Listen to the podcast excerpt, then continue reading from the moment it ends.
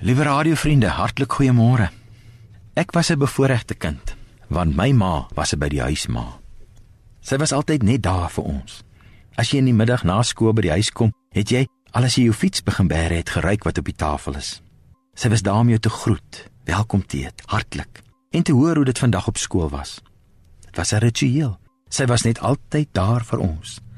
Daarom was dit so erg as sy die dag nie daar was nie. Jy kom by die huis en terwyl jy jou fiets bære, ryk jy nie die middagete nie en dan word jy benoud. As jy instap is dit leeg in die kombuis, dan trek jou keel toe. Maar tog roep jy ma, ma. Jy soek in die huis rond en as sy nie daar is nie, roep jy ma, ma, want skielik is dit of die mat onder jou voete uitgetrek word. Nou vriende, stel jy voor toe Jesus Golgotha toe is. Hy wat van ewigheid af by sy Vader was. Hy wat sy hele aardse lewe so naby sy Vader was. Hoe moes hy gevoel het toe die hemel bo hom begin toegaan, toe die son sy gesig wegsteek omdat God hom aan sy seun begin onttrek het. Daarvan lees ons in Matteus 27 by vers 45 en 46. Van 12 uur af het daar duisternis oor die hele land gekom en dit het tot 3 uur geduur. Teen 3 uur het Jesus hard uitgeroep: "Eli, Eli, lema sabachthani, my God, my God, waarom het U my verlaat?" Stel U die angs en die lyding voor wat in die kruiswoord opgesluit is. Dit was die eensaamste roep in die hele geskiedenis, want vriende, Jesus was regtig verlate. Eers het die groot skare wat hom omring het hom verlaat. Om dan dan terug te kom en te skree: "Kruisig hom, kruisig hom."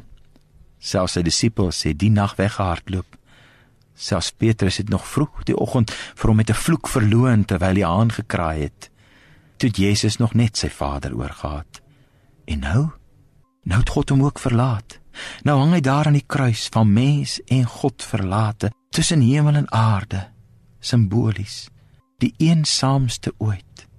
Vir die eensaamste rede om alleen die sondestraf te dra om alleen te sterf en die graf in te gaan.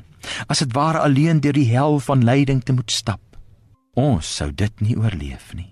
Ons sou daaronder beswyk het. Ons sou nooit ander kant uitgekom het nie.